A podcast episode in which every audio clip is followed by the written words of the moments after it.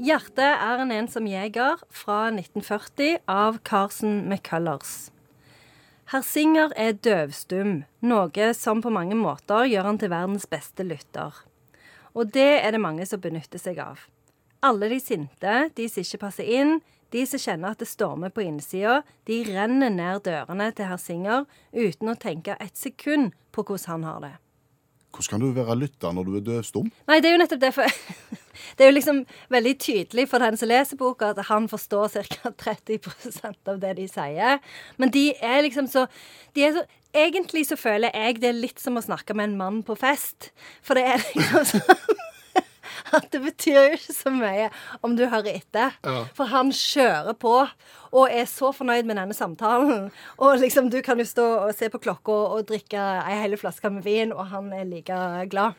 Men, men eh, tilbake til det spørsmålet du stiller der, Per Øystein, fordi at det er ikke vanskelig. Altså, det har jo vært mange døvstumme på døra hjemme hos meg eh, som hører helt godt. De har sånn lapp 'Jeg er døvstum, kjøp ei bok av meg', og sånn, og hvis du ikke vil kjøpe ei bok av deg, så blir de kjempesure. Ja, men det er jo svindel. Ja, ja, men det kan jo godt hende Er, er det svindel han driver med? nei, det er ikke svindel. Han er bare skikkelig, skikkelig grei. Og så er det liksom sånn, det er Ja, er folk så opptatt av sine egne de- problemer at de glemmer å tenke på at han er døvstum? Ja. Eh, Det, og, og de merker det ikke engang.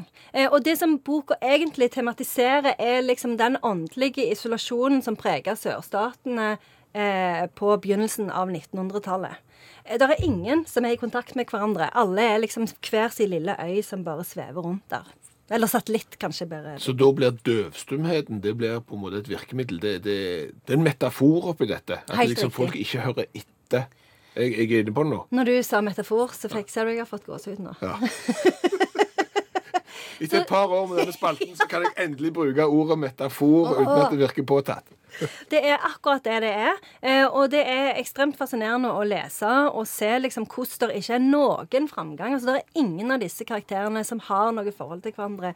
Og herr Singer sjøl, han er egentlig eh, besatt av en annen sånn en døvstum fyr som han bodde sammen med tidligere, som heller ikke elsker han tilbake. Og han besøker han og liksom tar vare på han og er grei med han, men, men det er liksom det er ingen som kan ha noe som helst forhold i denne boka. Kan vi si at dette her er mennesker som baserer forholdene sine på gjensidige misforståelser? Ja, egentlig. Faktisk. Det òg var veldig fint formulert. på Det, altså, dette her er jo i sørstatene, sant? så det er jo segregering og rasisme. Så det er jo en, en, en politisk bok på den måten. Og så snakker de jo òg om dette her med alle de som ikke klarer å oppnå den amerikanske drømmen.